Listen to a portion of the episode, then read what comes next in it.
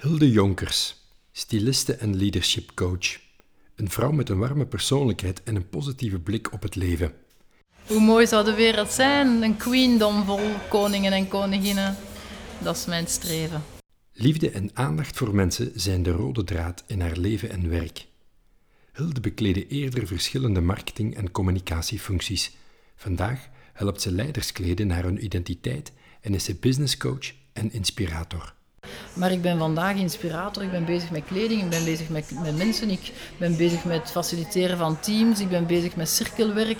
Uh, al wat dat mensen en kleren inhoudt. En met personal shopping en, en allee, ja, dat vind ik er juist zo, zo leuk aan. Ik sprak met Hilde over haar vallen en weer opstaan. Met een medevenoot richtte ze jaren terug haar eerste bedrijf op, Sif Jones, een marketingadviesbureau. Dat ging over kop. Zelf ging ze tijdens die periode ook meermaals over kop. De openheid waarmee Hilde haar verhaal vertelt is bewonderenswaardig. En de lessen die wij er met z'n allen uit kunnen halen liggen zo voor het rapen. Welkom in de Story Club met Hilde Jonkers. We zitten in de Pain Quotidien in Leuven. Ja. Welkom uh, Hilde. Dat ga je dus horen. Oké. Okay. Krakende zetels, ja. hè? Voor mij, Hilde, liggen drie naamkaartjes van jou. Ik lees er eentje. Life is too short to wear boring clothes. En toen ik jou aan het researchen was, dacht ik, ik moet echt goed opletten wat ik aandoe. Want Hilde die weet wel iets van kleren en kleren zeggen iets over de man of over de vrouw. Hoe, hoe, wat, wat zeggen de kleren over mij? Heb je mij een doog gehad toen ik binnenkwam? Ja, uiteraard. ja, ja, ja, ja. Ik kijk daar toch altijd naar. Uh, niet altijd even bewust, uh, moet ik zeggen. Maar als het uh, voor mij moeten kleren... Ja, in, in, het Vlaams hebben we daar een schoolwoord voor. Hè. Moeten de kleren kloppen op de mens. Want eigenlijk pikken we dat op wanneer dat de kleren niet kloppen op de mens. Maar we kunnen niet altijd definiëren hoe dat, dat dan komt. Maar we zien het eigenlijk wel. En we voelen dat er iets niet klopt. En van het moment dat we oppikken dat er iets niet klopt, weten we niet goed welk vlees dat we in de kuip hebben zitten en gaan we een beetje wantrouwig worden. Ik heb erover nagedacht toen ik naar hier kwam. Is het waar? Ja. Toch niet dacht, te hard hoor. Nee, ik dacht het is goed weer. Zal ik een short aandoen of niet? Oké. Okay. Dat had je kunnen, hè, Raf? Ja, dat had je kunnen. Waarom zeg ik dat nu dat dat kan? Omdat dat... Uh, Eigenlijk wat dat je doet is een stuk uh, toch creativiteit brengen naar de wereld. En ik vind uh, als je creativiteit brengt naar de wereld, dan mag zich dat ook uiten in je kleding. Dan mag je ook daar zichtbaar worden. Ik ben altijd geboeid geweest door de psyche van de mens. Waarom wordt de mens die zuiver wordt geboren een bepaald moment in zijn leven een moordenaar of een verkrachter of een dief. Dus eigenlijk had ik heel graag criminoloog willen worden. Maar dat mocht niet van thuis. Mijn mama zei, waarom ga jij een universiteit doen? Je gaat een man hebben die een universiteit gedaan heeft, gaat kindjes hebben en uh, dan ga je niet meer moeten werken. Die generatie. Die generatie. En heel loyaal naar het familiesysteem, is achteraf gebleken. Maar voilà, ik ben nu toch bezig met kleding en met mensen. Hè. Allee, de kleding is er eigenlijk bijgekomen, omdat ik ook uh, systemisch opgeleid ben. En op een bepaald moment zat ik in een... Uh, iemand van uh, een grote kledingketen in België, een baas daarvan, de CEO, vroeg mij om zijn commercieel directeur te coachen.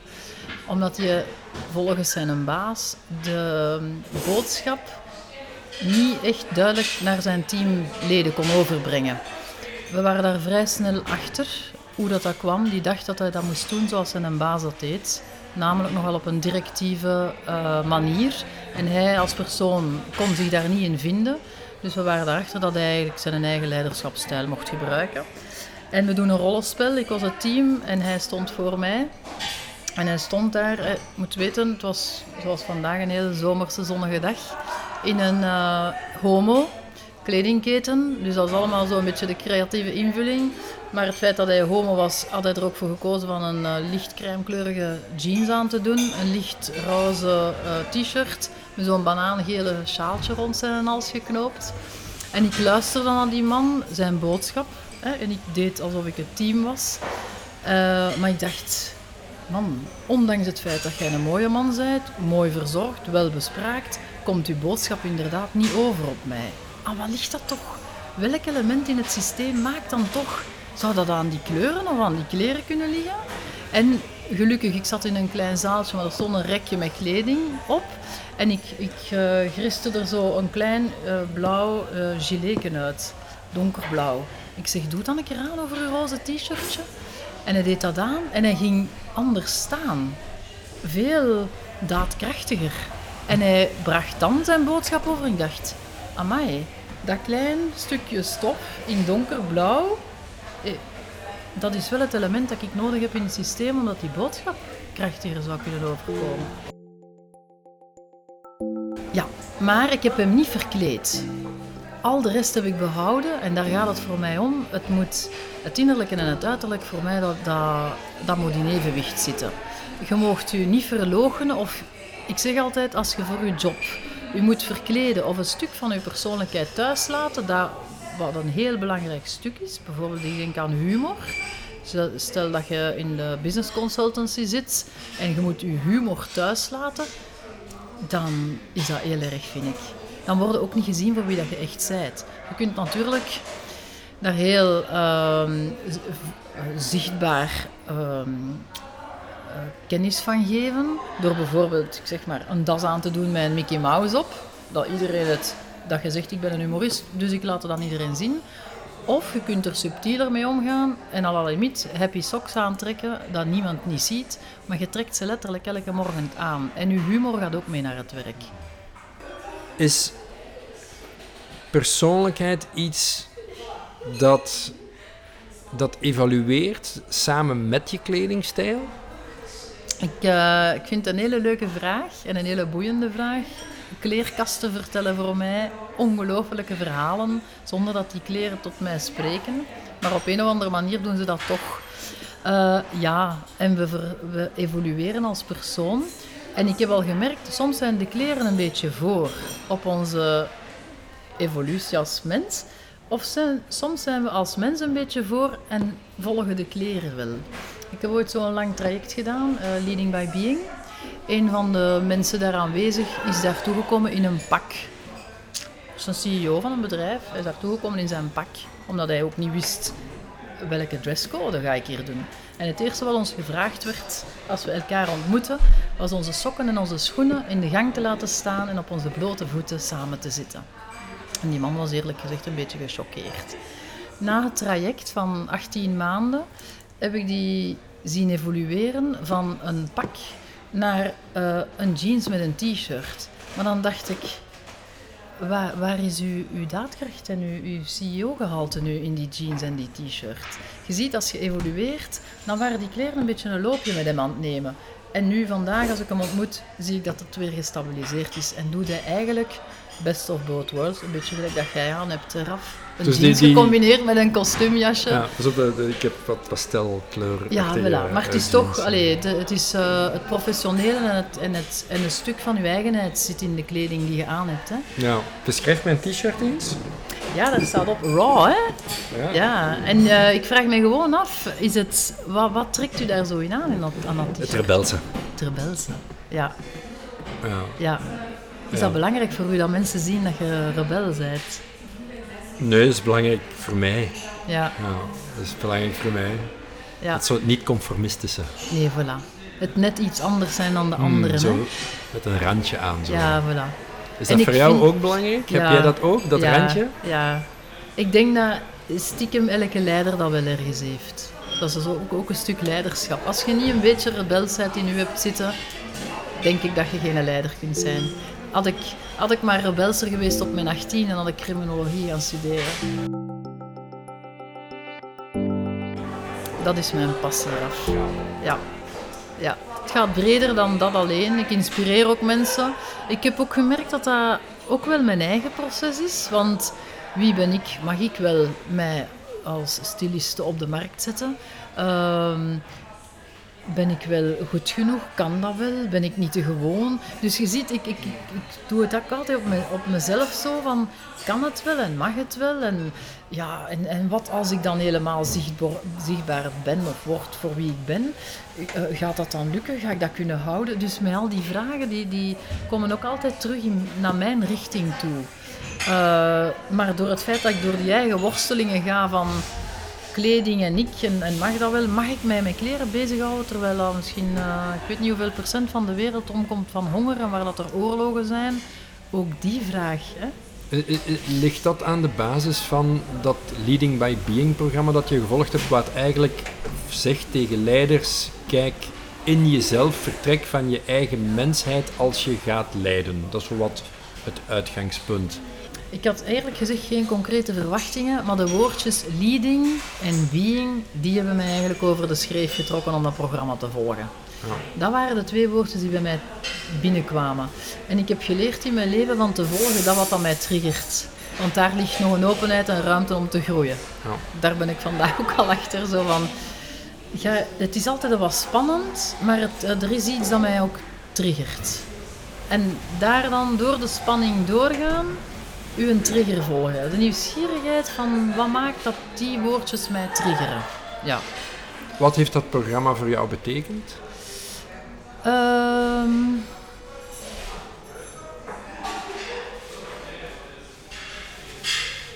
ik denk er wel over na, hè. dat vandaar de stilte. Dat programma heeft me eigenlijk binnenste buiten en onderste boven gekeerd.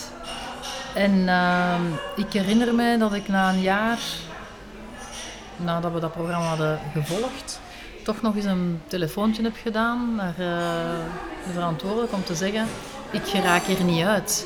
Je hebt mij in iets gezet waar ik niet uit geraak. Dus ik heb eerlijk gezegd dat stuk nazorg heel erg gemist. Heel erg gemist.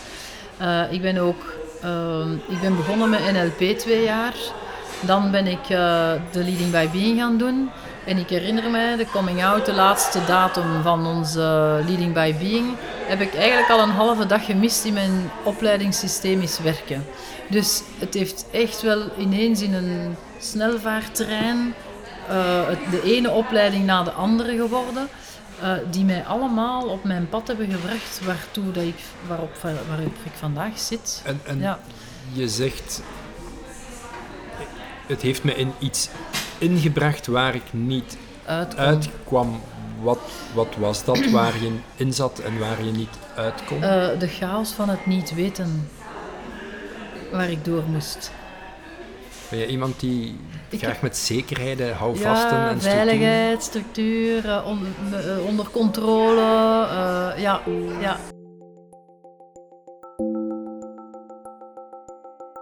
Oh, dat was ook een hele zware periode in mijn leven. Ehm, ja, dat is paniek, hè, Raf. Dat is pure paniek, hè. Omdat ik kwam al uit de chaos na Leading by Being. Ik kreeg dan Ziv Jones op. En uh, het wordt dan nog meer chaos. Hè? Ik word er stil van omdat ik heel goed voel uh, het, het, uh, de onmacht, de reddeloosheid, het niet weten wie gaat mij helpen, hoe kan ik hieruit geraken, wat is mijn richting. Help mij alstublieft. Dat, hè. Ja, in dezelfde week als uh, wanneer dat Geert zei, Hilde en ik betrekken best de, de, sticker, de stekker uit uh, Jones, uh, ben ik erachter gekomen dat mijn man ehm, ja, verliefd was geworden op een andere vrouw. Eh, mijn man is, was de liefde van mijn leven, dus ehm, ja, op één week tijd uh, mijn man kwijt. Uh, een beetje de, de kant van de Ziv Jones, waar dat ik toch een bepaalde richting had, ook kwijt. Dus ja, heftig in dat opzicht. Van ja, wat doe je dan? Hè? En toen heb ik Swabel opgericht. Swabel is eigenlijk, heeft er toch toe bijgedragen dat ik mijn hoofd boven water heb kunnen houden. Omdat het een nieuwe start was? Ja, Iets nieuws. Iets nieuw. Ik hou van nieuw. Ja. Ik ontdek ook heel graag. Ik laat ook andere mensen graag ontdekken. Ja. Ik reis ook de wereld af, hè. altijd maar nieuw. Ja, ja ik, ik zag ook ergens, denk ik, op je LinkedIn-profiel staan: My motto: Be so happy that when others look at you, they become happy too. Ja. Dat is voor mij eigenlijk ook de vertaling van leading by example. De wereld heeft geen boodschap als ik ongelukkig erbij loop. Maar dat neemt niet weg dat ik, ehm, net zoals iedereen, ook ehm, allee, soms heel diep verdrietig ben. Eh, dat ik dat ook kan omarmen. Ik heb al gemerkt dat als ik te lang verdriet heb en, en ik, ik wil dat opgelost krijgen, dat dat ook niet gaat. En dat de steun die ik dan nodig heb op dat moment er ook niet altijd is. Omdat mensen ook denken, heeft ze nog altijd verdriet en die willen daar ook graag zo rap mogelijk een oplossing voor vinden. Ehm, ik ben erachter als ik vandaag mensen uitnodig om te zeggen, ik zit met zo'n diep verdriet, kunnen jullie mij een keer een uurtje houden, gewoon in mijn verdriet, er gewoon zijn zonder woorden. Dat dan voor beide partijen een hele opluchting is dat dat verdriet er mag zijn, zonder dat dat moet gefixt worden. Want Ja. het verdriet is van je, ook je overlijden van je man. Ja, ja. Want eh, we zijn uiteindelijk niet uit elkaar gegaan. We zijn drieënhalf jaar uit elkaar geweest. We hebben altijd wel contact gehouden. En ik zeg we, maar ik heb altijd met hem contact blijven houden. Omdat ik voelde dat, het, dat er iets niet klopte. En eh, in november 2014 zijn we, hebben we besloten om toch voor elkaar te kiezen. Heb ik ook echt besloten om hem te vergeven.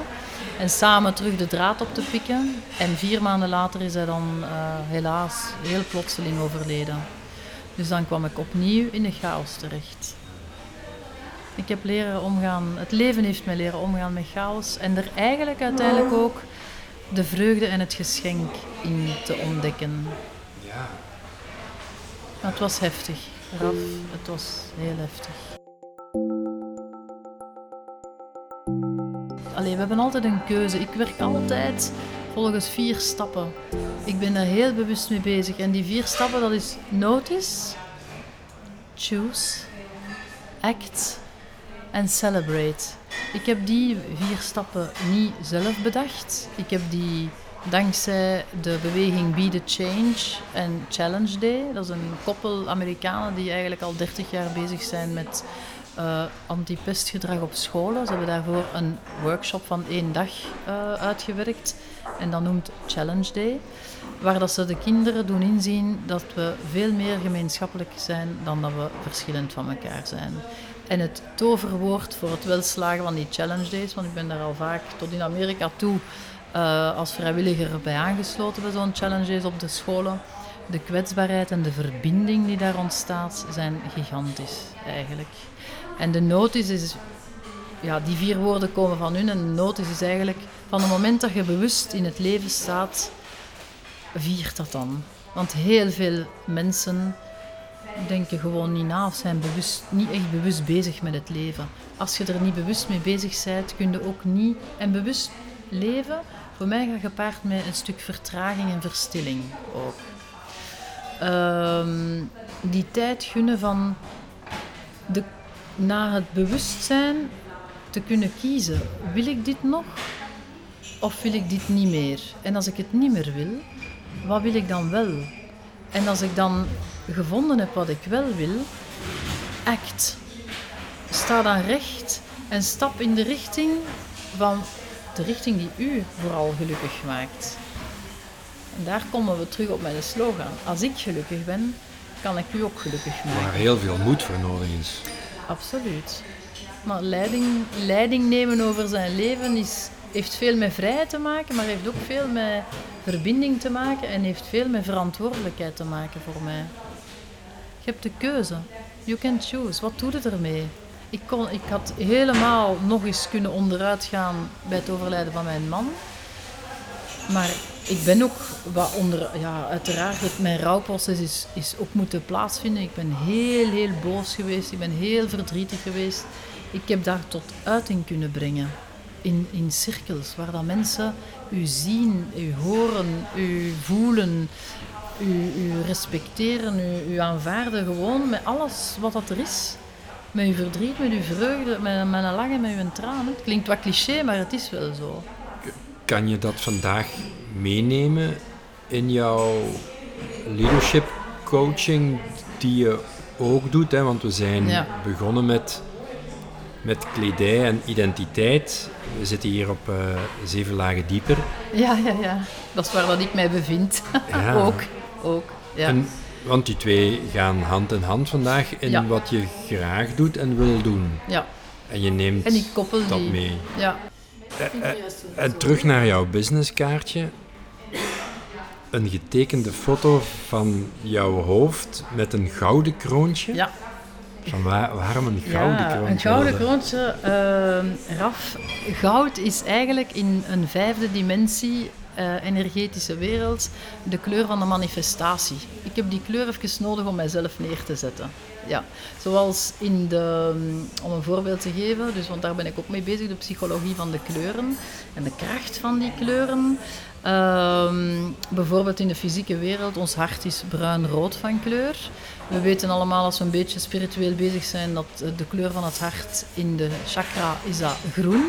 Maar in de vijfde dimensie, dus nog een, nog een ander soort energetische wereld, is, het, ehm, is de kleur van het hart lichtroze. En lichtroze staat voor onvoorwaardelijke liefde.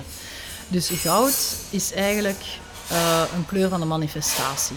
Waarom een kroontje? Omdat ik altijd zeg, ah, ik ben bezig met een, een, ehm, een queendom aan het, ehm, aan het creëren. Want when the queen is happy, the kingdom is happy. And the king as well. Een kingdom, then the queen is happy. Maar de kingdom is misschien niet altijd happy. Dat is zo mijn, ja, mijn vast. Ik denk, ja, ik ben daarmee bezig. En alles wat ik doe, past daar ook onder. En ik ben eh, onlangs twee, ik heb vorige week pas twee boeken gekocht. En die boeken noemen Advanced Styling. En dat zijn allemaal vrouwen van 60 plus, want ik word 60 dit jaar, die eh, eigenlijk een beetje hun middenvinger naar de wereld opsteken en die zeggen wij doen gewoon aan wat dat, waar dat wij mooi van worden en waar dat wij helemaal onszelf in kunnen zijn. Soms hele gekke outfits, maar het wordt eigenlijk nooit hotter than my daughter, zeker niet en zeker niet gemeen. Het is voor mij op dat moment styling is art. Want om, om dat te bereiken met, met kleding en met style, is een mix en een match. En dat is mijn grote droom om daar naartoe te gaan. Waarom? Omdat ik denk, mensen zijn niet in hokjes te stoppen. We zijn klaar om de mens in zijn volheid te zien. En als jij daar strepen met bloemen wilt in combineren, vind ik eerlijk gezegd dat dat moet kunnen. Want de dresscode in de zakenwereld vandaag, het zwarte, het blauwe, het bruine, het grijze. En dan hoor ik leiders zeggen, wij worden verbindende leiders, wij zijn bezig en begaan met mensen. Sorry, ik kom niet in verbinding met iemand die zwart en wit draagt. Dat gaat veel gemakkelijker als we warmere kleuren dragen. Vandaar ook weer het belang van de, van de psychologie van de kleuren te kennen. Als je vandaag een bedankbriefje zou moeten schrijven, aan wie denk je dan? Oh.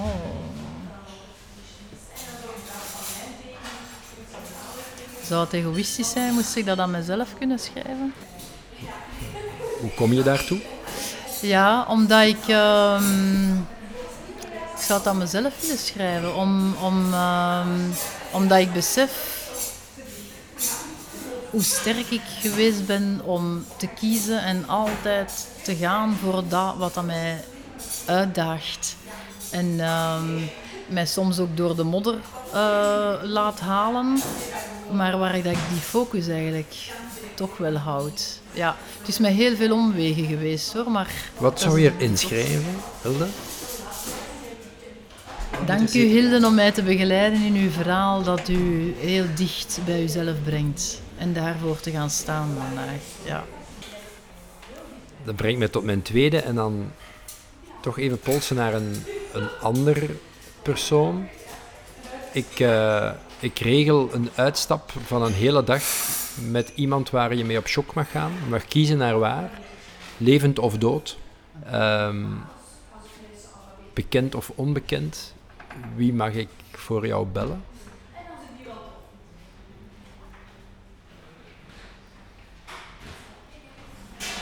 De pain quotidien wordt er stil Ja, van. ja, ja, ja. Goh. Ik zou zeggen, eh, ik heb niet zo een idool of een goeroe-achtig iemand. Ik zou zeggen, stuurt me met een hele bus vol gewone mensen op reis. Want ik heb gemerkt, ik leer eigenlijk ontzettend veel van wat dat wij noemen de gewone mensen.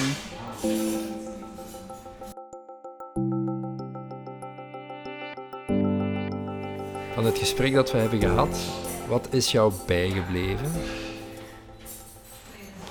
Ehm, ja, en ik word er een beetje emotioneel van. Je ziet het, het eh, toch nog het verdriet dat er zit voor het gemis van mijn man. De momenten samen, het samen. Het is dat dat ik mis, het is dat dat, mij vandaag ehm, een beetje wankel maakt. Zo. Ja. Ik mis, eh, er, er is iets dat niet klopt. En zolang dat er voor mij iets niet klopt, dat ik de balans niet heb gevonden, uh, is, er, is er een onrust en, en, uh, en voilà. Ja, de gouden kroon is er rillen en de gouden ja. parels ook. Dank u. Echt. Om mij te zien voor wie ik ben. Nee. Want dat is eigenlijk mijn grootste, mijn diepste verdriet. En ik heb geleerd, if you turn in your mess into the message, you heal your mess. And all the people who have the same mess as you. U luisterde naar de Story Club podcast met Hilde Jonkers.